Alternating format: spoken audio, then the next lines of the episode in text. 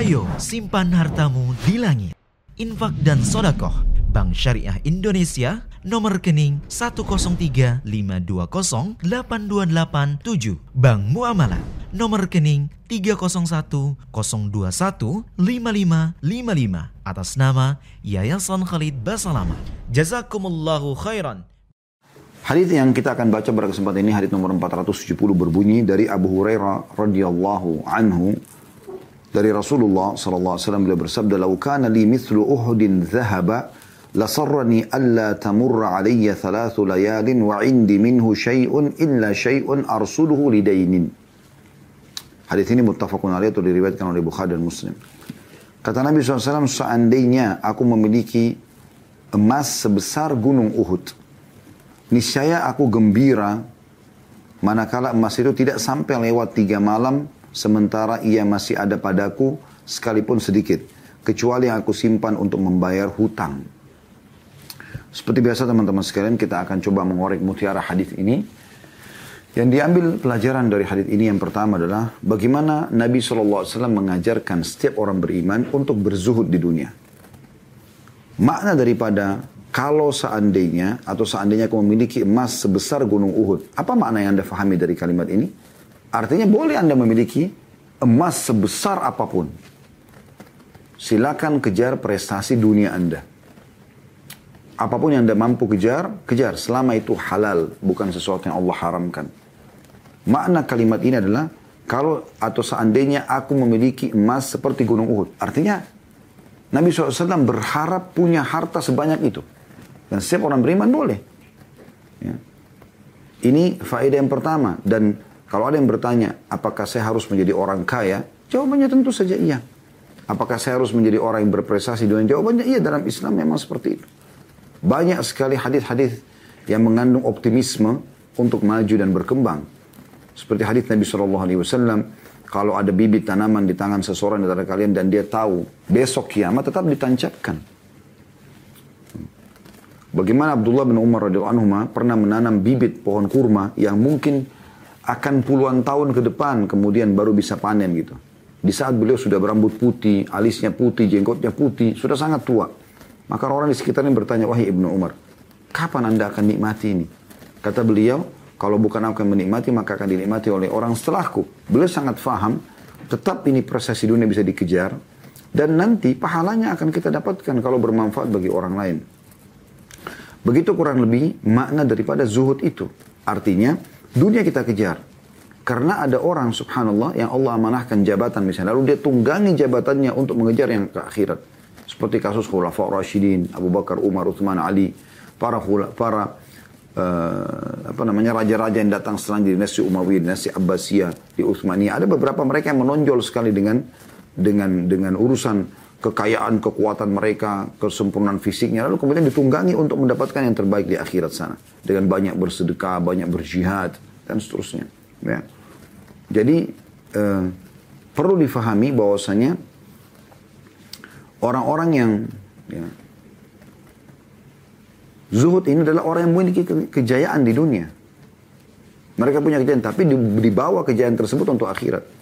Tadi orang kalau diberikan jabatan, orang yang diberikan kekayaan misalnya, dengan kaya raya dia banyak membangun masjid, rumah anak yatim, fasilitas umum, ya, dipakai untuk uh, apa namanya sekolah-sekolah, ya, agar menyebarkan ilmu Allah Subhanahu syariat Allah Subhanahu taala. Ini semua adalah dunia. Dia harus punya dunia supaya dia bisa membiayai dakwah, membiayai ilmu, ya, bersedekah untuk orang-orang miskin dan seterusnya. Ya.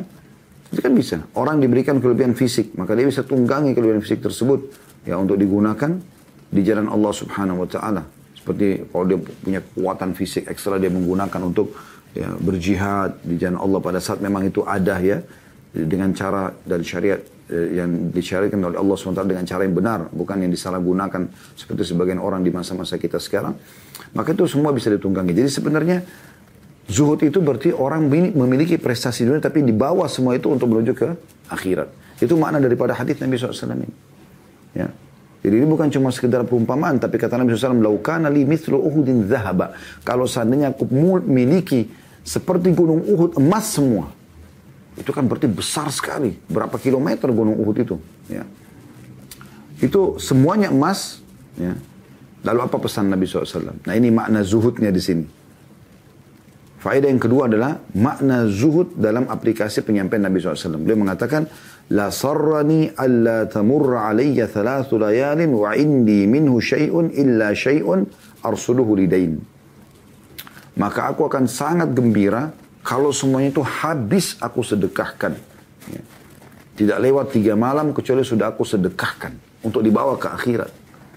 Jadi kejar prestasi dunia lalu kemudian dibawa itu ke akhirat. Nah ini makna zuhud ini. Ya. Yang sudah kita jelaskan dari dari awal. Itu makna daripada zuhud. Ya. Jadi sangat bertolak belakang sekali dengan orang yang makan roti kering, kemudian pakai sendal compan camping, bajunya kotor. Kenapa? Zuhud. Enggak, bukan seperti itu. Kita baca dalam kitab-kitab zuhud, ada banyak tulisan para ulama uh, yang mereka berikan memang judul dengan Az-Zuhud atau kitab zuhud. Itu pentolan-pentolan zuhud diangkat Abu Bakar. Abu Bakar seorang saudagar terkaya.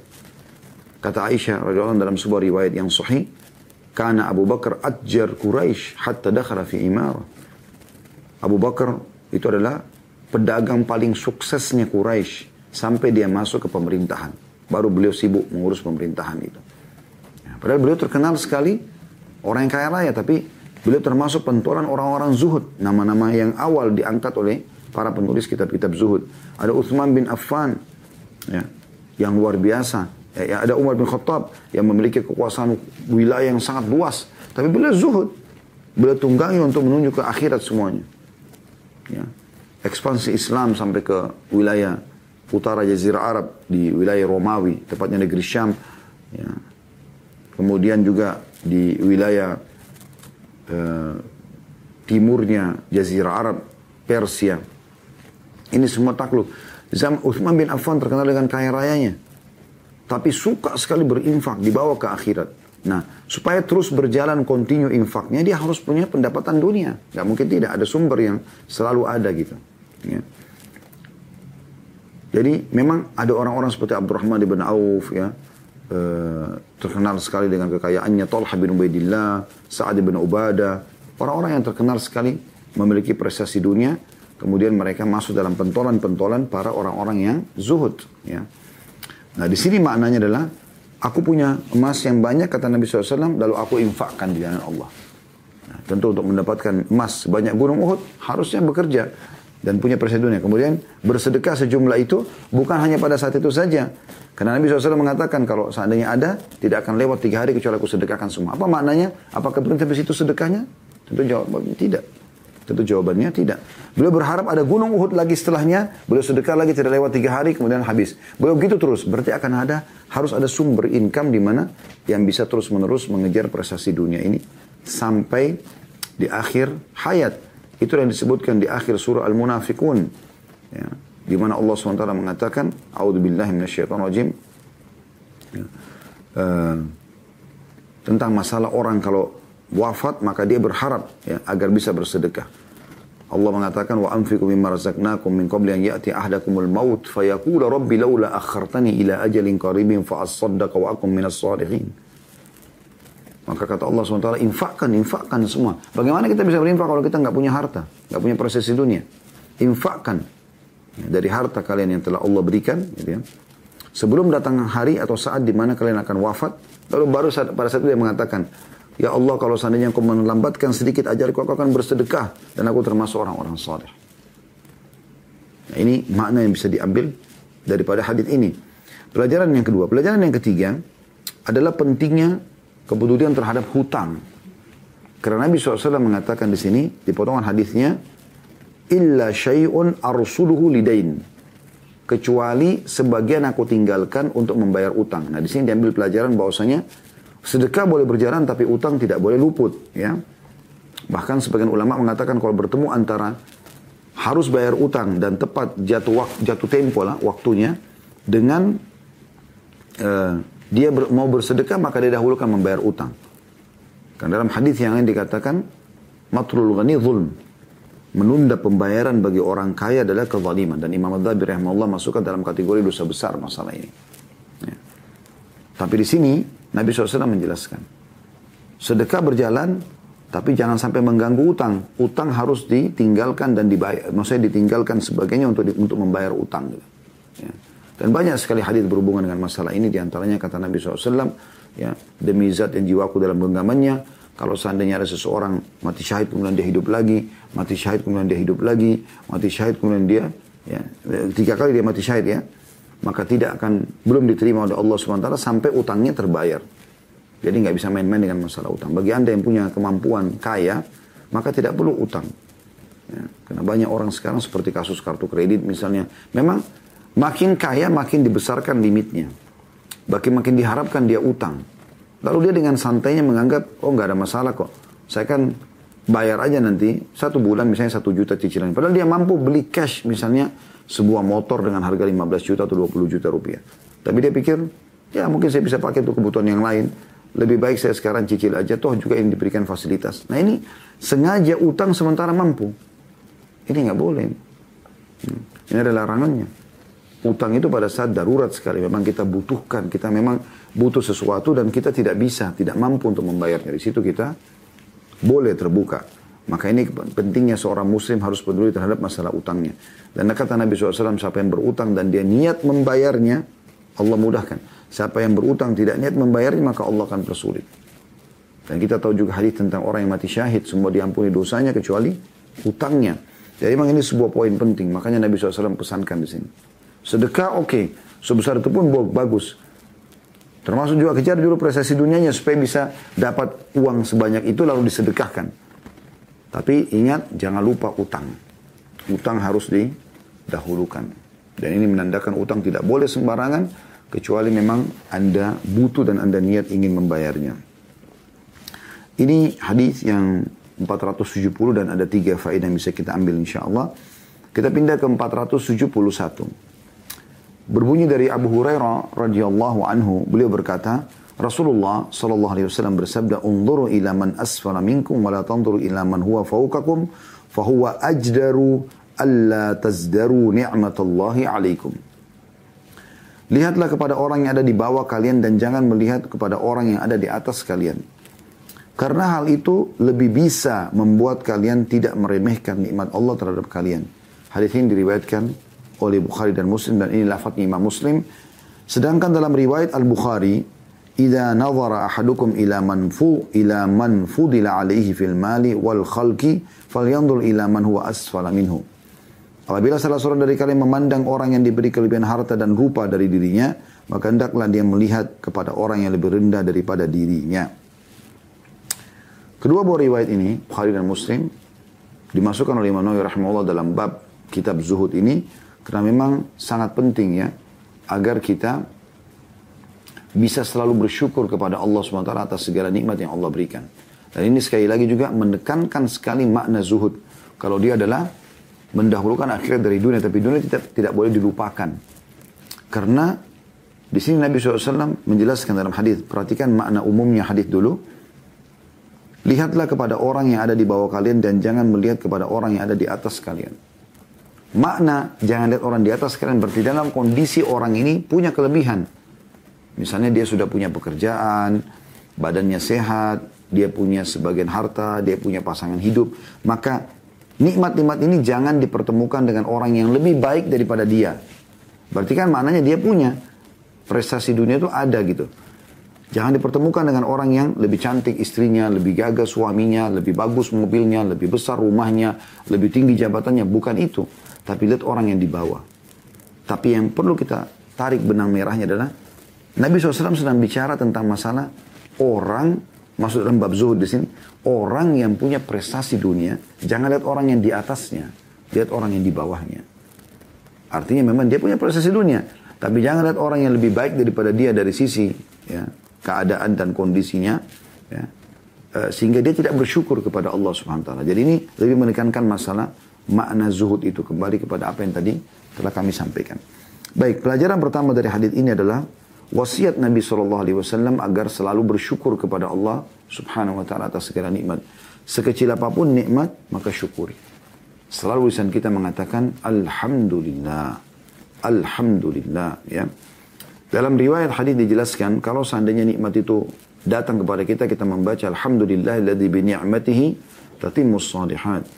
Segala puji bagi Allah yang dengan izinnya lah semua kebaikan-kebaikan ini bisa tersempurnakan.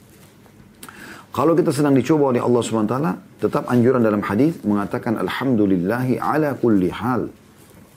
Ada kalimat Alhamdulillah. Berarti kita mensyukuri keadaan kita, baik dalam keadaan nikmat ada ataupun cobaan sedang ada. Karena kita tidak tahu. Cobaan ini ya mungkin baik buat kita. Dan memang banyak sekali cobaan baik buat orang tersebut. Minimal sekali, kata ulama orang kalau lagi diuji oleh Allah SWT itu, Pertama, mengingatkan dia tentang masalah hinanya dunia ini dan akan sebentar dia akan lewatin. Karena kalau orang dalam nikmat terus dia bisa lalai. Cobaan itu akan mengingatkan dia masalah itu.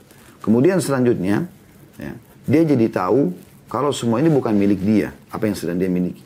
Karena kapan dia meninggal akan ditinggal semuanya. Gitu kan? Lalu kemudian yang ketiga, dia teringkaskan umurnya dalam ketaatan kepada Allah SWT. Orang kalau lagi sakit, orang lagi ada musibah, ada masalah. Dia kalau diajak bermaksiat oleh teman-temannya, dia nggak akan mau. Flu demam saja, diajak ke diskotik, dia nggak mau. Sebenarnya dia sedang memangkas umur dia, yang tadinya bisa digunakan maksiat itu tidak melakukan kemaksiatan tersebut. Allah SWT berhentikan dia di situ dengan hikmah Allah SWT.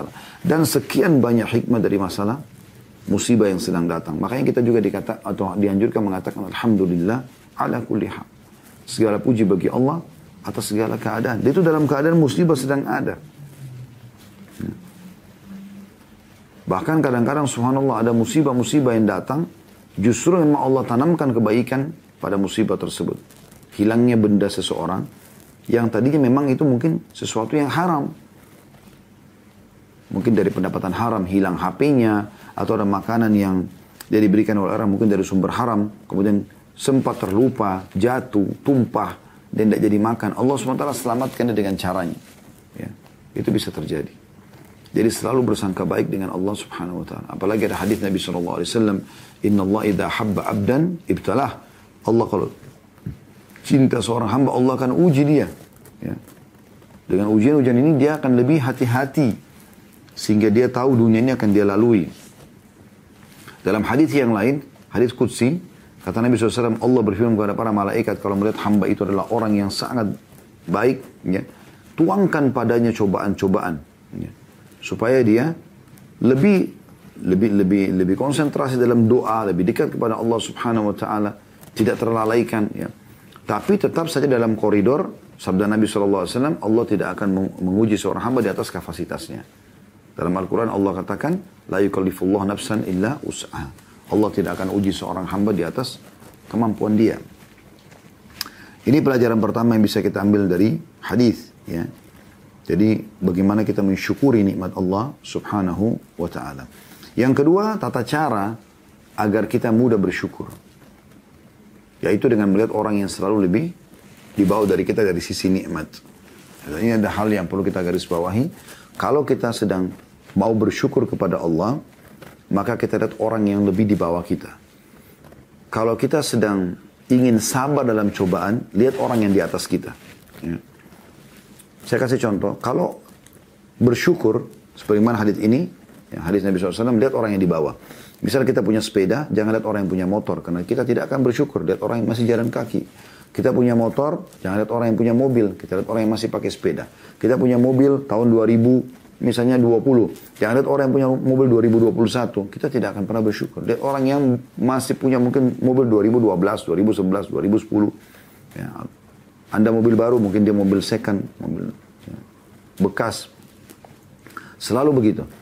Anda punya pasangan, ya, jangan lihat orang yang lebih pasangannya, sehingga Anda selalu ya tidak bersyukur. Tapi lihat orang yang lebih sederhana. Ada orang yang lebih jelek pasangannya, ada orang yang lebih, ada yang cacat pasangannya, ada orang yang dan itu. Anda diberikan anak dua, jangan lihat orang yang ya misalnya punya anak sepuluh, enggak. Anda lihat orang yang belum punya anak. Ini supaya kita selalu lihat orang yang di bawah. Jadi ini semua konsepnya supaya bersyukur kepada Allah swt. Dan alhamdulillah kita di Indonesia ini teman-teman sekalian tidak sulit untuk mempraktekkan hadis ini. Karena di saat kita jalan, kita akan temukan tidak asing di kita ada rumah mewah di sebelahnya ada rumah kumuh. Di Jakarta misalnya banyak komplek-komplek rumah mewah. Tapi kalau kita keluar dari pintu gerbang, kita temukan di sekitarnya, di belakangnya, banyak rumah-rumah kumuh. Kita temukan ada orang kaya, kita temukan juga ada orang miskin. Ya. Jadi tidak sulit untuk mempraktikannya. Nah ini kalau nikmat supaya kita bersyukur. Ini pesan Nabi SAW. Nah kalau ada musibah, lihat orang yang di atas. Supaya kita bersabar. Misal contoh, kita flu. Ada orang yang flu dan demam. Kita flu dan demam, ada orang flu, demam, rematik. Ada orang yang lebih berat daripada kita. Lihat sehingga kita selalu bisa bersabar dalam musibah yang sedang ada. Nah ini yang kita bisa ambil daripada hadis 471. Selanjutnya hadis nomor 472 dari Abu Hurairah radhiyallahu anhu dari Nabi SAW beliau bersabda, Ta'isa abdud dinari wad dirhami wal qatifati wal khamisa. In u'tiya radhiya wa in lam yu'ta lam yarda. Hadis riwayat Muslim. Artinya, celakalah hamba dinar.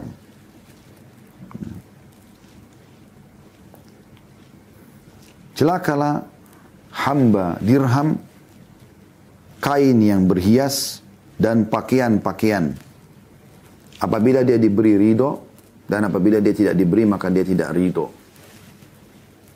Jika ada footnote nomor 425, ta'isa dalam hadis yang artinya tadi celaka, ya, itu berarti celaka, ya, atau rugi.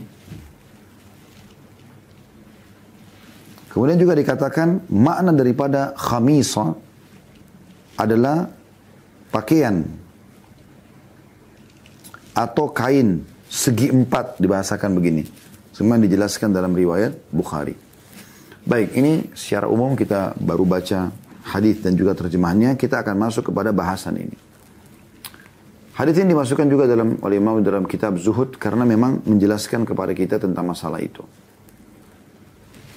Secara global makna hadis adalah kalau ada orang kejar dunia saja dan melupakan akhiratnya, sibuk dengan uang, ya. Karena disebutkan dinar, biasanya ini masuk dalamnya emas, dirham, ya. Kemudian eh, pakaian-pakaian ya di sini, hiasan-hiasan. Sibuk dengan itu sehingga dia lupa akhiratnya. Maka ini orang yang masuk dalam kerugian, celaka, binasa, rugi, ya. Itu secara global makna daripada hadis ini. Artinya, bukan berarti kita tidak boleh pakai pakaian yang bagus, ya. Kemudian kita memiliki eh, apa namanya harta yang banyak, bukan seperti itu. Sebagaimana sudah kami jelaskan dari awal. Tapi akan kena makna hadis ini dia celaka, dia rugi kalau seandainya dia tidak tunggangi harta yang dia miliki, keindahan yang Allah berikan kepada dia untuk akhiratnya. Itu maknanya. Ya. Makanya pada saat Abdurrahman bin Auf meninggal dunia, Bagaimana di gudang harta beliau ditemukan bertumpuk-tumpuk emas. Dan saking banyaknya, dan emas itu sampai berbaur satu sama yang lain karena lamanya tertumpuk, maka di, di, di, dibagi dengan cara menggunakan kampak ya. Lalu dibagikan dan setiap istrinya mendapatkan banyak sekali peninggalan harta pada saat itu. Radiyallahu anhu. Beliau bukan tidak berbagi, beliau selalu berbagi, tapi selalu tidak pernah habis harta tersebut Allah berikan karena kuatnya bersedekah gitu. Nah, di sini maknanya adalah makna hadis orang yang mengumpulkan harta tapi lupa dengan akhirat. Itu yang dimaksud dengan celaka. Tapi orang kalau kumpulin harta lalu dia bawa ke akhiratnya dan ternyata masih tersisa lagi, maka itu berarti tidak masuk dalam hadis atau ancaman hadis ini. Baik, kita ambil pelajaran pertama dari hadis adalah makna kalimat ta'is. Ta'is artinya celaka, bisa bermakna celaka di dunia dan celaka di akhirat. Itu yang umumnya disampaikan oleh para ulama, celaka dunia, celaka akhirat. Di dunia dia celaka, ya, karena akan tersibukkan selalu dengan harta itu dan ketakutan-ketakutan yang muncul, takut dihil, takut hilang, takut dicuri, takut kebakaran kalau kita sekarang. Itu berarti celaka dia. Dihabiskan umurnya untuk itu, tidak ada ketenangan. Di akhirat akan banyak sekali hisapnya. Ya, karena dalam hadis yang sahih dijelaskan, pada saat orang meninggal dunia tidak akan beranjak kaki seorang hamba hari kiamat sampai ditanya tentang empat. Ya, salah satunya adalah harta dari mana dia dapatkan, ke mana dia keluarkan. Dan sudah pernah kami titik beratkan teman-teman sekalian, ya, kondisi harta itu ada yang sangat baik sekali, sumbernya halal, keluar pada yang halal. Ini yang terbaik. Ini, ini harus kita jadikan sebagai pegangan kita dalam uh, melalui kehidupan muka bumi, di muka bumi ini. Maksudnya kita selalu punya sumber pendapatan yang benar, lalu kita keluarkan juga pada sumber yang benar. Ini yang terbaik. Yang kedua adalah sumbernya halal, tapi dikeluarkan pada yang haram. Dan ini tidak boleh. Dia dapat pahala karena cari sumber halalnya, tapi pada saat gaji yang dia terima, hasil bisnisnya dipakai untuk berzina atau minum khamr, makanya jadi haram. Dia satu sisi dapat pahala, sisi yang lain berdosa. Karena pengeluarannya dan Allah akan tanya. Dari mana dia dapatkan sudah jelas. Tapi ke mana dia keluarkan ini jadi salah. Golongan ketiga, terbalik. Sumbernya haram, tapi dikeluarkan pada yang halal. Ini nggak boleh. Misalnya hasil korupsi, hasil curian, tapi dipakai untuk umrohin atau haji orang tua, bangun masjid, ini tidak mungkin. Allah suci. Inna Allah taibun, la baru illa taibah. Allah suci, bersih, tidak terima kecuali yang suci dan bersih. Dan yang terakhir yang paling buruk adalah sumbernya haram keluar pada yang haram pula. Hasil pencurian dipakai berzina. Nah ini hal yang paling buruk tentunya ya. Jadi ini pelajaran pertama makna daripada ta'is. Artinya rugi. Rugi dunia, rugi akhirat. Di dunia dia rugi karena terus sibuk dengan hartanya dia terhambahkan dengan harta tersebut dan di akhirat dia akan banyak sekali hisapnya. Pelajaran kedua, penyebutan tentang jenis-jenis harta ini. Abdul dinar, dirham, qatifa, khamisa. Ya. Ini berkisar kepada harta. Dan ini yang umumnya harta orang uh, jadikan sebagai kebanggaan. Harta yang melimpah, kalau kita sekarang mungkin di rekening yang membengkak, ya, atau mungkin simpanan emasnya, simpanan peraknya, ya. dan juga pakaian-pakaian yang suka dipakai untuk sombong, penampilan di depan orang, ya. Sampai-sampai pada tingkat mereka menggunakan harta-harta ini untuk bermaksiat kepada Allah SWT. Ya, mana ada orang pergi diskotik pakai baju biasa? Orang pasti pakai baju yang bagus, sepatu yang bagus. Dia pakai hartanya untuk maksiat kepada Allah SWT. Sebaliknya orang pergi masjid selalu pakai baju yang lebih sederhana atau orang silaturahim dengan keluarganya atau atau ya. Tapi kalau untuk maksiat mereka menggunakan umumnya adalah hal-hal yang baik gitu. Yang baik di, di, dari sisi jenisnya ya. Pakaian atau harta tersebut, mobil yang terbaik, ya supaya bisa berbangga-bangga, pakaian yang terbaik, ini semua yang dimasukkan. Makanya Nabi SAW sebutkan, jenis-jenis harta ini bukan berarti tidak ada harta yang lain, karena masih ada tunggangan, ya. Kalau zaman dulu orang kuda, unta, kalau sekarang mungkin mobil, ada mobil mungkin mobil pribadi, pesawat pribadi, kapal pribadi dan segala macam. Ini pelajaran kedua jenis-jenis harta ini maksudnya jenis-jenis harta yang umumnya orang jadikan sebagai kebanggaan dan melalaikan dia terhadap dunia, terhadap akhirat maksudnya. Pelajaran yang ketiga dari hadis adalah potongan terakhir hadis Nabi SAW in utiya wa in lam yu'ta lam yarda dan ini tolak ukurnya. Kalau dia diberi oleh Allah dia menerima. Kalau dia tidak di, tidak diberi maka dia tidak menerima. Ini tolak ukurnya. Artinya kalau ada orang Allah berikan kepada dia dinar, dirham, pakaian yang bagus, harta yang melimpah gitu. Lalu dia ridho dalam setiap keadaan. Apakah pada saat lagi memuncak rezeki tersebut atau sedang ada ujiannya. Bangkrut usaha, utang tidak dibayar, dia terima semua keadaan. Sebagaimana perkataan Ali bin Abi Thalib radhiyallahu siapa yang Allah karunia untuknya harta, maka sebaiknya dia memperindah jamuan tamunya, melanjutkan hubungan silaturahim dan dia bersabar terhadap ujian di harta tersebut. Ya. Ada saatnya nanti harta itu akan jadi cobaan buat dia. Kecuali orang yang sibuk terus mengeluarkan harta tersebut dan Allah itu lain. Tapi kalau orang itu masih menyimpan-nyimpan maka akan ada ujian. Nah, kalau ada orang ridho dengan pemberian Allah SWT, dia sudah buat sebuah, sebuah program, ternyata program itu tidak bisa berjalan atau belum bisa berjalan. Maka dia terima. Ada proyek yang bisa berjalan, ada tidak proyek tidak bisa berjalan. Dia terima semua keadaan itu. Maka dia tidak masuk dalam makna kalimat awal ta'is, celaka. Karena dia tolak ukurnya di sini. Dia ridho ya, dalam setiap keadaan maka maka tidak masuk dalam makna kecelakaan. Tapi kalau dia tidak ridho dengan ini, maka masuk dalam masalah ini. Ya, Nabi SAW mengatakan kalau dia diberi dia ridho, kalau tidak diberi maka dia gerutu. Ya. Dia gerutu. Seakan-akan memprotes keputusan Allah subhanahu wa ta'ala. Ini makna atau mutiara yang ketiga yang bisa kita ambil dari hadis ini. Kita akan lanjutkan nomor hadis 473 dari Abu Hurairah radhiyallahu anhu. Beliau berkata, "Laqad ra'aitu sab'ina min ahli suffa, ma minhum rajulun 'alaihi rida, imma izarun wa imma kisa. Qad rabatu fi 'anakihim, faminha ma yablughu nisfa as-saqain wa minha ma yablughu al-ka'bain, fayajma'uhu bi yadihi karahata an tura auratuhu." Hadis ini riwayat Bukhari saya telah melihat 70 orang dari ahli suffa. Tidak seorang pun dari mereka yang mengenakan baju yang ada hanya kain sarung atau kain yang mereka ikatkan pada leher mereka. Ada yang cuma sampai pada separuh betis dan ada yang sampai mata kaki. Lalu dia memegangnya dengan tangannya khawatir terlihat auratnya. Ada sini riwayat Bukhari sebagaimana kita jelaskan tadi. Seperti biasa teman-teman sekarang kita coba bedah hadis ini. Secara umum ini adalah penyampaian Abu Hurairah radhiyallahu anhu tentang keadaan ahli sufa dan beliau termasuk bergabung dalam ahli sufa tersebut. Ya. Dan makna sufa adalah sebuah lokasi yang berada, berada di belakang rumah dan masjid Nabi Alaihissalam yang beliau siapkan khusus untuk orang-orang yang mau menuntut ilmu dari kalangan orang-orang miskin. Dan itu bisa menampung sampai 300 orang. Itu makna sufa. Abu Hurairah menggambarkan tentang kondisi orang-orang miskin yang ada di wilayah atau di sekitar tempat sufah tadi yang mereka tidak memiliki baju secara khusus yang bisa digonta-ganti. Tetapi mereka memiliki izar. Ya. Imma izarun wa imma kisa. Makna izar adalah sarung. Ya. Dan makna kisa adalah pakaian yang diletakkan dari punggung lalu terdungklai ke bawah. Ya.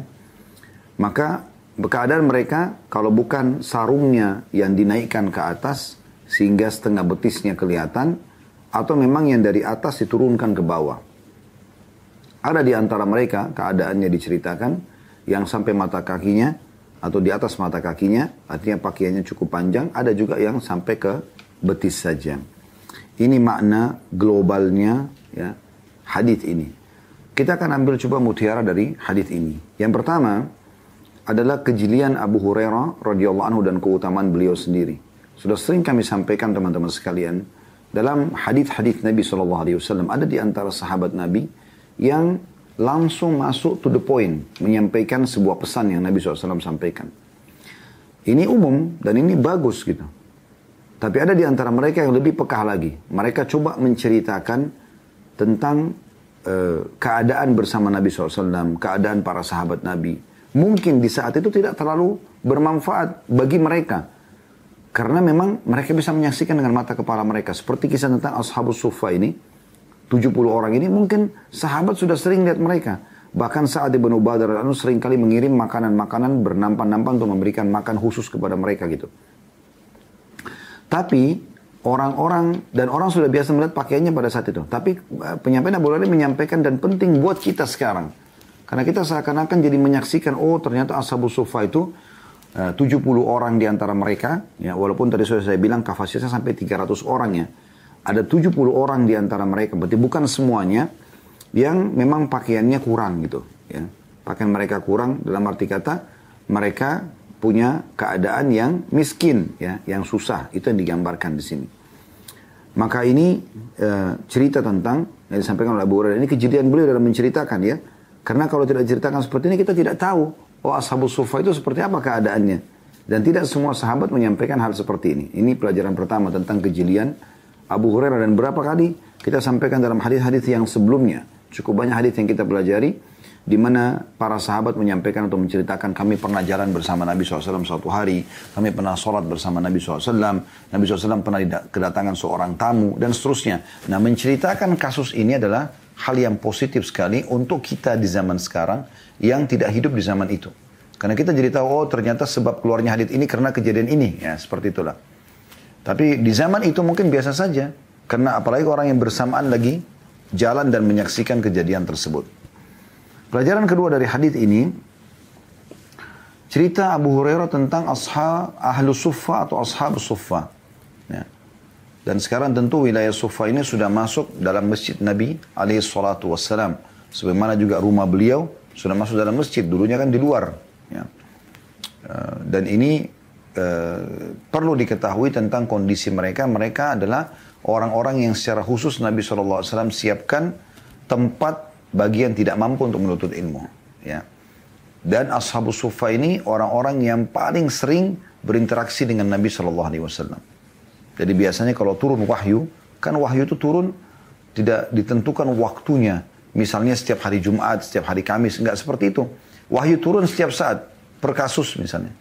Kalau ada kasus terjadi, turunlah wahyu. Atau memang ada tiba-tiba Allah sampaikan wahyu kepada Nabi Muhammad SAW. Nah, yang paling sering Nabi ketemui adalah ashabus sufa ini. Makanya mereka-mereka ini yang paling banyak meriwayatkan hadis-hadis Nabi SAW. Karena Nabi sampaikan, di antaranya perawi hadis kita ini. Abu Hurairah radhiyallahu anhu. Ya. Beliau termasuk sahabat yang miskin dan beliau tinggal bersama ashabus sufa. Makanya dia menggambarkan tentang kondisi ashabus sufa.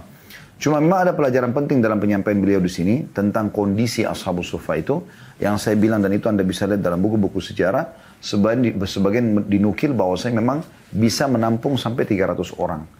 Dan ini menandakan bukan semua ashabus sufa itu ya, pakaiannya seperti ini, tapi ada di antara mereka yang seperti ini. Ya, keadaan mereka memang miskin.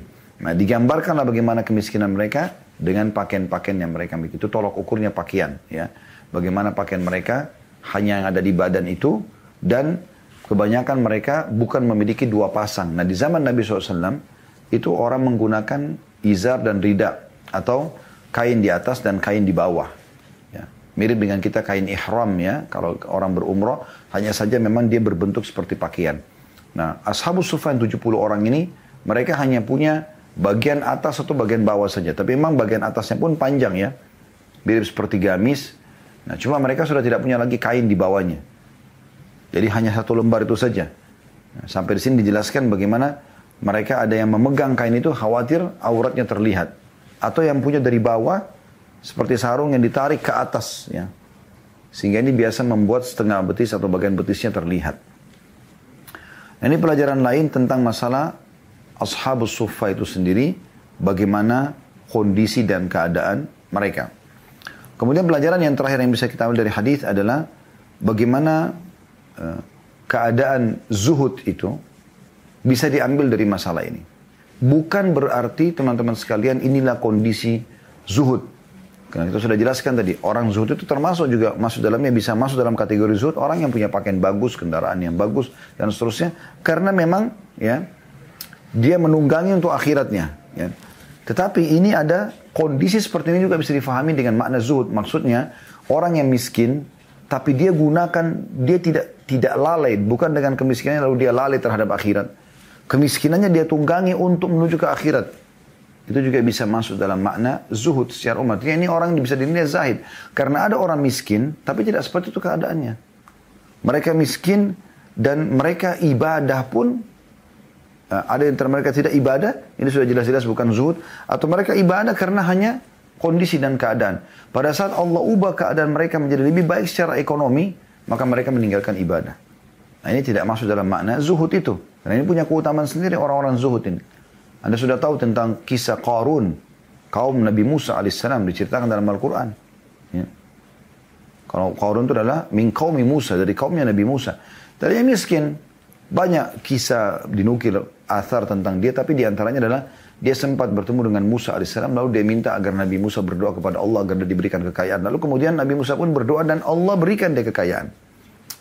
Sedikit demi sedikit dia bisa uh, mengelola emas ya, dan seterusnya sampai dia punya emas yang sangat banyak dan Allah gambarkan bagaimana peti di, uh, kunci yang dipakai untuk nutup gudangnya itu harus diangkat oleh beberapa orang yang badannya kekar-kekar. Kuncinya saja, maka bagaimana gudangnya gitu. Nah, setelah waktu dia masih miskin, dia sangat patuh kepada Allah SWT. Begitu dinukil si Qarun ini. Tapi setelah dia jadi kaya, dibukakan di dunia oleh Allah SWT, maka dia menjadi lalai. Sampai ada beberapa utusan Nabi Musa AS yang datang mengingatkan dia agar mengeluarkan zakat hartanya, dia menolak. Tidak cukup sampai situ. Dia bahkan ber, ber, bersekutu dengan Fir'aun untuk memerangi Musa AS. Dan dia gunakan untuk kesombongan, dia tampil di depan uh, Bani Israel ya kekayaannya dipamer sama dia. Sampai terjadi dua kelompok pada satu dalam Al-Quran digambarkan. Dari Bani Israel ada yang mengatakan sungguh Karun ini punya hadzun azim punya punya nasib yang baik sekali. Coba seandainya kita punya seperti dia. Mereka berharap juga punya kekayaan karena jalan dipikul oleh orang-orang yang kekar di sebuah geranda yang besar yang pada masa itu ya itu dianggap sebuah kemewahan gitu. Karena belum ada kendaraan mobil kayak kita sekarang Kemudian di tubuhnya penuh dengan emas yang dia pakai, kalung dan segala macam, memamerkan kekayaan tersebut. Ya. Peti-petinya sering diangkat, ya, dipamerkan di depan orang-orang. Gitu. Nah, kelompok yang kedua adalah orang-orang yang beriman mengatakan, ini hanya kehidupan dunia. Ya. Jangan sampai melalaikan kalian dan segala macam. Seperti itulah. Nah, pada saat Allah binasakan Qarun, Allah datangkan gempa dan terjadi di sekitar rumahnya Qarun dan tenggelamlah harta itu. Ya. Qarun dan semua hartanya tenggelam. Ya. Pada saat itu, maka kita biasa istilahkan Indonesia dengan harta karun, harta yang tersimpan gitu ya. Itu karena kisah dari Qarun itu sendiri. Nah pada saat selesai tenggelam, barulah orang-orang kelompok pertama tadi dari Bani Israel yang mau seperti Qarun mengatakan, ya sungguh ini adalah ya peringatan dari Allah SWT dan syukur kita tidak seperti dia gitu. Ada sebagian dari Bani Israel coba mau menggali karena tahu posisi rumahnya Qarun dan harta, maka penyampaian dari Nabi Musa AS Allah sudah tenggelamkan dan tidak akan pernah lagi ada yang bisa menemukan harta Qarun itu, barulah mereka berhenti untuk melakukan. Tapi kita ambil pelajaran dari Qarun. Bagaimana pada saat dia miskin, dia dekat dengan Allah SWT, pada saat dia kaya, malah dia lalai. Ada sebuah hadis yang mulia yang berhubungan dengan masalah ini. Kata Nabi SAW, Allah berfirman kepada para malaikat pembagi rezeki yang ditugaskannya, lapangkan rezekinya hambaku si fulan, karena dengan kau lapangkan dia makin patuh kepadaku, dan sempitkan rezekinya hambaku fulan, karena kalau kau bukakan maka dia akan lalai dari aku. Jadi ada orang subhanallah kalau punya harta sibuk bersedekah, sibuk berbagi dengan orang, dia malah lebih patuh kepada Allah, Allah makan lapangkan rezekinya. Ada orang dia soleh, tapi Allah buat dia dalam kondisi susah. Karena memang orang ini nggak bisa. Dia kalau dibukakan pintu rezeki, maka dia akan lalai. Ya, dia akan lalai. Tapi dengan dia ditutup, rezeki bukan ditutup ya, tapi dibatasi, tidak di, tidak diberikan kekayaan, maka dia lebih dekat kepada Allah subhanahu wa ta'ala. Tapi yang kita ingin berikan teman-teman, dalam makna hadith ini, bisa makna, bisa masuk dalam zuhud kalau orang miskin itu, ya, dia juga menunggangi keadaan dia itu karena Allah SWT ada ibadah. Jadi bukan hanya karena bukan hanya karena tidak punya, enggak. Memang dia miskin pun tetap dia patuh kepada Allah SWT. Maksud dalam makna zuhud. Jadi ini juga mendapatkan keutamaan zuhud. Selain orang yang mengejar proses dunia lalu mendahulukan akhirat, ini juga zuhud atau zahid istilahnya. Dan orang juga miskin yang dalam kemiskinannya beribadah kepada Allah SWT. Gitu. Dan dia ikhlas karena itu dia juga masuk dalam makna zuhud itu sendiri. Kita masuk hadis nomor 474. Abu Hurairah radhiyallahu anhu ber, berkata, Rasulullah SAW bersabda, "Ad-dunya sidinul mu'min wa jannatul kafir." Hadis riwayat Muslim. Dunia ini adalah penjara orang mukmin dan surga bagi orang-orang kafir. Makna daripada hadis ini ya, yaitu dunia penjara orang beriman. Ini kita ambil langsung mutiara pertamanya. Bukan berarti ya, penjara yang kita maknai. Misalnya dia di, di, dimasukkan dalam sebuah ruangan, dia tertutup, bukan itu yang dimaksud. Tapi ada batasan-batasan yang mereka tidak boleh langgar. Seakan-akan di penjara. Seperti misalnya hal-hal yang Allah haramkan. Ya, Mereka harus tutup aurat, mereka harus punya pendapatan yang jadi menjaga pergaulan, mereka harus menjaga pendapatan, ya. Mereka harus melakukan ketaatan-ketaatan, mereka meninggalkan kemaksiatan. Dan umumnya disatukan dalam satu perkataan yang disampaikan oleh Imam Ahmad rahimahullah waktu ditanya oleh seseorang muridnya mengatakan kapan kita bisa beristirahat karena orang ini tahu kita disuruh tuntut ilmu kita disuruh sholat lima waktu kita disuruh sholat sunnah kita disuruh menjaga yang ha, pandangan turunkan pandangan dari yang haram pendengaran dari yang haram. Kita banyak hal yang dibatasi gitu. Maka Imam Ahmad mengatakan ya ketenangan dan kedamaian itu kita akan temukan pada saat kita sudah masuk dalam surga gitu. jadi mana ad-dunya sijnul mu'min? Ya, di sini dimaksudkan adalah penjara orang-orang beriman bukan berarti penjara yang Anda seperti dalam satu ruangan tapi karena adanya batasan-batasan ya, yang Allah haramkan sebagai ujian bagi hambanya ya, Allah bisa halalkan semuanya sebenarnya tapi Allah menguji hambanya di sini liyabluwakum ayyukum ahsanu amala dalam surah Al-Mulk ayat 2 ya agar menguji kalian siapa dan kalian yang baik amalnya gitu Sementara potongan yang kedua dari hadis atau mutiara yang, potong, uh, mutiara yang kedua adalah wajannatul kafir dan surganya orang-orang beriman. Surga sini bukan surga yang Anda bayangkan di akhirat sana, bukan. Makna surga di sini makna duniawianya. Artinya seperti dia di surga, karena kan orang di surga di akhirat nanti bebas, boleh makan apa saja, boleh minum apa saja, boleh buat apa saja. Ya. Tapi di surga sana di akhirat nanti Allah akan berikan kita akhlak yang mulia, kita akan baik. Sementara orang-orang kafir di dunia ini, dia mirip seperti berada di surga, Tanda kutip, tapi bukan surga akhirat. Karena dia boleh buat apa saja, bagi dia tidak ada yang haram. Ya. Dia boleh berzina, dia boleh mabuk, dia boleh, boleh semuanya. Dia bisa lakukan. Bagi dia tidak ada batasannya gitu. Ya. Makanya dimaksud dengan wajannatul kafir. Kita akan masuk teman-teman sekalian hadis terakhir yang kita bahas pada kesempatan ini hadis nomor 475 dari Ibnu Umar radhiyallahu anhu beliau berkata Akhadha Rasulullah sallallahu alaihi wasallam Rasulullah sallallahu alaihi wasallam bimankibi Saya ulangi akhadha Rasulullah sallallahu alaihi wasallam bimankibayya faqal kun fid dunya ka annaka gharibun aw 'abiru sabil. Wa qala wa kana ibn umar radhiyallahu anhu yaqul idza amsayta fala tantadiru as-sabah wa idza asbahta fala tantadiru al-masa wa khudh min sihhatika li maradik wa min hayatika li mautik. Artinya Rasulullah SAW pernah memegang kedua pundakku. Lalu beliau bersabda, jadilah kamu di dunia ini seperti orang asing atau orang yang melintasi jalan. Lalu Ibnu Umar berkata, radhiyallahu anhuma, apabila kamu tiba di sore hari, maka janganlah menunggu pagi hari. Dan apabila kamu di pagi hari, maka janganlah menunggu sore hari. Pergunakanlah masa sehatmu untuk masa sakitmu dan masa kehidupanmu untuk kematianmu. Hadis ini riwayat Bukhari. Kemudian Imam Nawawi mengatakan para ulama dalam mensyarah hadis ini mengatakan yang intinya janganlah kamu condong kepada dunia dan menjadikannya sebagai tempat tinggal dan janganlah membisikkan kepada dirimu bahwa kamu akan tinggal lama di dalamnya. Jangan mencurahkan perhatian kepadanya berlebihan Jangan terikat dengannya kecuali sebatas apa yang diperlukan oleh orang asing yang tinggal di negeri lain. Dan janganlah menyibukkan diri dengan sesuatu sebagaimana orang asing yang hendak pulang ke keluarganya. Dia tidak peduli terhadapnya. Wabillahi taufik kata beliau. Allah memberikan taufiknya. Baik, hadis ini teman-teman sekalian, secara global adalah wasiat Nabi SAW kepada Abdullah bin Umar radhiyallahu anhu oleh karena itu Abdullah bin Umar menunggangi penyampaian Nabi ini dengan apa yang beliau fahami. Ya, anda lihat bagaimana Abdullah bin Umar mengatakan dalam hadis ini, Nabi SAW memegang kedua pundakku, kemudian berkata, jadilah kau di dunia seperti orang asing atau orang yang lewat saja.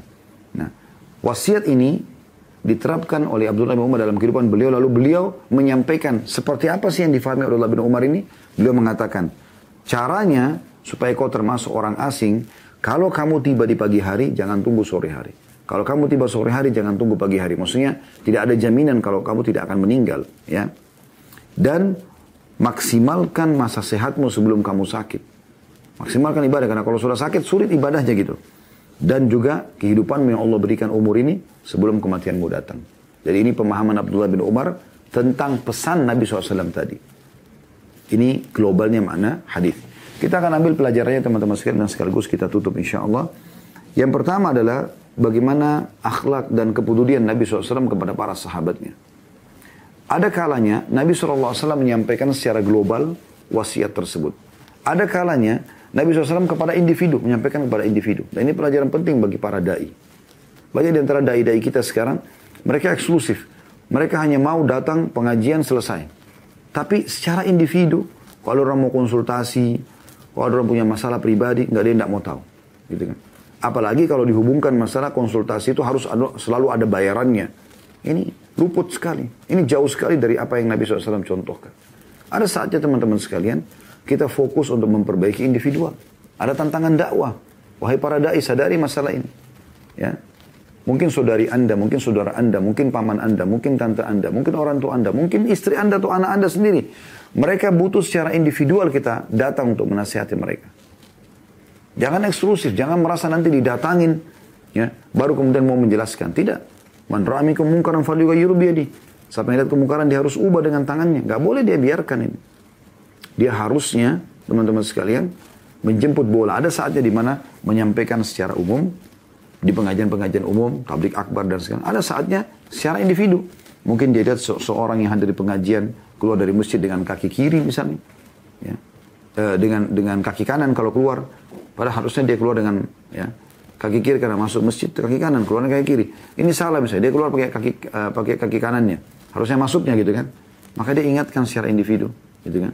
Dia nasihati atau ada sesuatu kemungkaran yang dia lihat, maka dia ingatkan atau ada orang mau konsultasi secara pribadi di saat memang waktu lowong. Tentu di sini bukan juga berarti kalau begitu berarti dai harus selalu membuka rumahnya 24 jam orang setiap saat datang. Bukan itu yang dimaksud. Tapi ada saat-saat tertentu di mana dia lowong bisa dia bertanya. Saya pernah uh, selesai sholat di Masjid Nabawi, uh, selepas uh, maghrib, ya ada taklim biasa masyayikh para ulama. Dan sebelum azan isya, ada seorang syekh waktu itu keluar dari masjid. Saya kebetulan ada pertanyaan. Kemudian saya coba kejar beliau. Beliau kasih isyarat untuk tidak menjawab. Tidak mau ditanya dulu. Maka saya langsung maklumi pada saat itu. Kenapa? Karena emang ada saatnya mungkin beliau buru-buru ingin ke WC. Sebagian jemaah tidak mau faham masalah itu. Oh berarti tidak mau jawab pertanyaan saya. Bukan. Kita harus bisa memaklumi keadaan dia. Jadi dari satu sisi, satu sisi da'inya harus meluangkan waktu menjemput bola bagaimana hidayah sampai kepada seseorang. Karena kata Nabi SAW, La yahdiyaka rajulan wahidan khairulaka min humurin ni'am. Kumpulkan semua kebaikan dunia ini, mobil mewah, rumah mewah, harta melimpah, segala macam hal, itu diistilahkan dengan humurun ni'am engkau menjadi penyebab satu orang dapat hidayah lebih baik daripada semua itu. Karena semua kebaikan yang dikerjakan setelah dapat hidayah, kita akan panen pahalanya gitu kan. Nah, setiap daya harus faham masalah ini. Ada saatnya dia kajian umum, ada saatnya mungkin dia secara individual. Gitu. Kan. Ada, ada ada tata cara dia berdakwah kepada pemerintah. Ya, kata Nabi SAW, dia mengambil tangan pemimpinnya lalu dia menasehatinya. Ya, empat mata. Kalau seandainya ya, diterima, itu dia sudah sudah sampai pada targetnya. Kalau tidak diterima maka dia sudah lepas tanggung jawabnya, gitu kan? Uh, ini poin pelajaran yang bisa kita ambil bagaimana Nabi SAW mengkhususkan kepada Ibnu Umar dan banyak riwayat-riwayat lain juga Nabi SAW begitu kepada Anas bin Malik, kepada Muadz bin Jabal. Ya, banyak riwayat yang menjelaskan Nabi SAW menasihati pribadi. Tapi karena penyampaian ini ada yang mendengarkan ataupun yang meriwayatkan Abdullah Umar yang terima sendiri nasihat tersebut langsung menyampaikan maka jadi pelajaran ya bagi umat ini.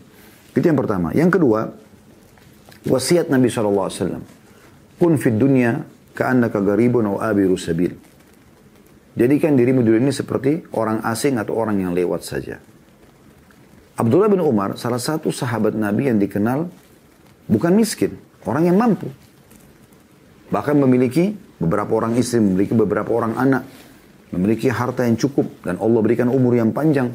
Ya, Nah Nabi SAW berikan wasiat ini untuk Abdullah bin Umar agar setelah semua kelebihan yang Allah berikan ini, ingat, kamu di dunia ini hanya asing atau orang yang lewat saja. Jangan semua ini kelebihan yang Allah berikan membuat kamu lalai. Itu makna daripada wasiat Nabi Shallallahu Alaihi Wasallam. Jadi setiap orang yang Allah berikan kelebihan, maka dia bisa kembali kepada potongan hadis ini sebagai pegangan hidupnya. Oh saya cuma sebentar kok di sini. Ini bukan milik saya. Maka dia coba segera menunggangi hartanya, keadaannya ini ya untuk menuju kepada akhirat. Kalau dia orang susah, ini juga bisa diwasiat buat dia. Karena orang susah, orang yang berpenyakitan, tidak sembuh-sembuh, orang yang miskin, nggak bisa penuhi kebutuhannya. Garib, kamu asing di dunia ini sebentar kok. Nanti kita akan menuju kepada akhirat kita. Ingat hadis Nabi SAW yang sahih. Yang kata Nabi SAW akan didatangkan penduduk dunia yang paling bahagia dari ahli neraka. Anggap dia lahir di istana, dia meninggal juga di istana. Anak raja meninggal juga dalam kondisi raja misalnya. Semua yang dibutuhkan ada, tapi ahli neraka, orang kafir. Didatangkan hari kiamat, dicelupkan satu celupan, satu celupan di neraka, kemudian dikeluarkan. Lalu ditanyakan kepada dia, pernah nggak kau lihat kenikmatan selama ini? Pernah nggak kau rasakan kenikmatan? Maka dia mengatakan tidak demi Allah. Dia bersumpah atas Allah tidak. Dan sebaliknya akan didatangkan orang yang paling menderita di dunia dari ahli surga. Lahir miskin, meninggal miskin. Susah. Baju di badan, makanan pun minta-minta sama orang. Tapi ahli surga. Azan, sholat, puasa Ramadan. Dia kerjakan ibadah-ibadah. Dicelupkan satu celupan nanti di akhirat di surga dikeluarkan. Lalu ditanya, pernah nggak kau lihat buus? Buus itu kesulitan, kesusahan, penderitaan. Dia mengatakan demi Allah tidak pernah. Hilang semua. Bagaimana dengan orang yang jadi penghuni abadinya neraka, naudzubillah? Securup saja sudah begitu penderitaannya. Bagaimana orang yang menjadi penghuni kekalnya surga, sementara satu curup saja sudah begitu nikmatnya. Ya. Jadi itu maknanya daripada kalimat ini. Jadi walaupun ada orang yang susah, bisa dijadikan wasiat ini sebagai wasiat hidupnya. Kalau dia dengan menganggap dirinya asing dunia ini akan kecil semuanya permasalahannya. Akan ringan semua permasalahan yang sedang dia hadapi. Ini pelajaran yang kedua. Pelajaran yang ketiga, penjelasan Abdullah bin Umar tentang makna hadis Nabi SAW ini. Ya. Begitu Nabi SAW mengatakan, kun fid dunya ka'annaka gharibun au abiru sabil. Jadikan diri di dunia seperti orang asing ataupun orang yang lewat saja. Abdullah bin Umar faham. Karena ini wasiat langsung Nabi kepada beliau. Maka beliau menunggangi itu untuk menjelaskan kepada kita apa yang beliau fahami dari hadis Nabi SAW. Maka beliau mengatakan, Ida amsaita fala tantadhirus sabah. Caranya supaya kau asing di muka bumi ini, selalu maksimalkan waktumu, waktumu dalam ibadah. Tiba pagi jangan tunggu sore karena tidak ada jaminan kau masih hidup. Wa idza amsayta fala tantadhiru sabah. Kalau kau tiba di sore hari jangan tunggu pagi hari, mungkin kau meninggal sebelum pagi hari.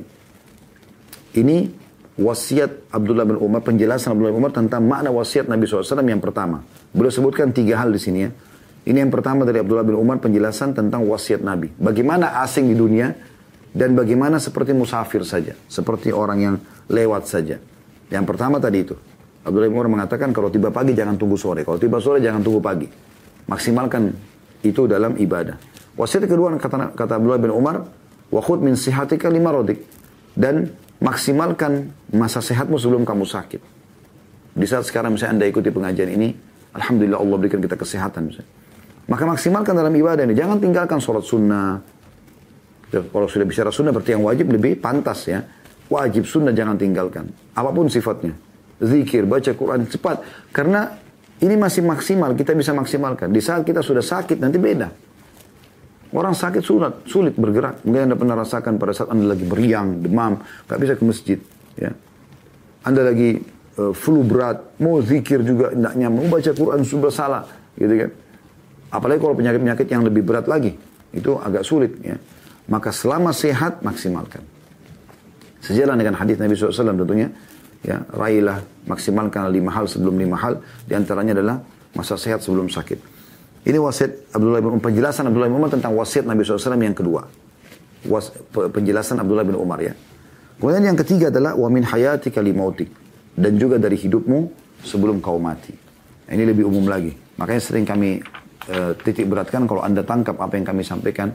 Uh, tidak setiap pengajian tapi hampir ya saya selalu mengatakan Bapak Ibu sekalian kalau Anda masih dikasih umur hari ini maksimalkan. Karena hari ini adalah hari emas kita. Umur kita yang sebenarnya adalah yang sudah kita laluin. Kayak saya sekarang umur Allah kasih 46 tahun. Masya Allah semoga Allah panjangkan umur di atas ketaatan. Inilah umur saya yang sebenarnya. Anda yang ikut acara ini mungkin ada umur 30 tahun, 20 tahun, 25 tahun, 35 tahun. Berapapun umur Anda. Mungkin Anda di atas lebih daripada saya. Mungkin 50, 60, 70 tahun. Maka itulah umur kita yang sudah kita lalui umur kita sebenarnya. Kalau yang lalu kita sudah isi dengan ketaatan, hari ini kesempatan emas meningkatkan kuantitas dan kualitasnya. Kualitas wajib kita naikkan tingkatannya. Kalau kuantitas tergantung daripada ibadah itu boleh atau tidak di kuantitas, ditingkatkan kuantitasnya. Kalau kayak sholat duhur, empat rakaat sudah nggak bisa lebih, maka jangan ditambah. Tapi kalau ibadah-ibadah yang lain, kayak misalnya Anda biasa sholat malam cuma dua rakaat. Sekarang saatnya Anda tambah jadi empat rakaat. Anda tambah jadi enam rakaat. Sholat duha tadi dua rakaat, Anda tambah jadi empat. Dan ditambah jadi delapan. Seperti itulah. Zikir Anda biasa baca, ya. Misalnya 10 kali la ilallah la syarika sekarang Anda baca jadi 100 kali. Jadi seperti itu. Anda meningkatkan yang bisa ditingkatkan secara kualitas gitu. Nah, kalau masa lalu kita berisikan dosa-dosa, hari ini hari emas kita untuk bertobat kepada Allah SWT. Hanya hari ini waktu kita. Itu pesan, itu penjelasan Abdullah bin Umar tentang sabda Nabi SAW wasiat tadi. Jangan tunggu sore hari kalau tiba pagi. Jangan tunggu pagi hari kalau tiba sore hari. Dan maksimalkan hidupmu sebelum kau meninggal. Karena kita bisa saya meninggal. Dan orang subhanallah meninggal itu hitungan detik teman-teman sekalian. Hitungan detik. Ya dia tiba-tiba meninggal. Saya lagi pengajian begini, ada yang malaikat mau datang mencabut roh, lalu kemudian jatuh meninggal. Orang cuma tahu Khalid Basanwa pernah ceramah, selesai. Begitu juga Anda, semua kita sama. Dan ini hanya akan dikenang beberapa waktu saja. Kecuali Anda punya amal-amal yang bermanfaat. Seperti kasus Imam Nawawi rahimahullah menulis buku ini. Ratusan tahun yang lalu beliau meninggal dunia masih kita pakai dan kita bahas. Dan amal beliau berjalan terus itu lain. Anda punya masjid yang Anda bangun. Ada amal-amal soleh yang Anda kerjakan yang memang bisa jariah. Bisa berjalan terus itu lain. Tapi kalau tidak, Anda hanya akan dikenang beberapa hari saja. Beberapa waktu. Setelah itu selesai. Siapa di antara kita teman-teman sekalian yang masih mengenang atau mengetahui tentang kisah kakek-kakeknya? Atau ayah kakek dia? Sudah tidak ada. Bahkan ada orang mungkin tidak tahu tentang kakeknya sendiri. Mungkin dia tidak tahu karena dia eh, kakeknya meninggal pada saat dia masih kecil. Artinya ada waktu di mana generasi yang datang nanti sudah tidak mengenang lagi kita. Kecuali ada amal soleh yang kita tinggalkan yang bisa bermanfaat buat kita. Oleh karena itu maksimalkan masa hidup sebelum meninggal dunia. Allahu a'lam.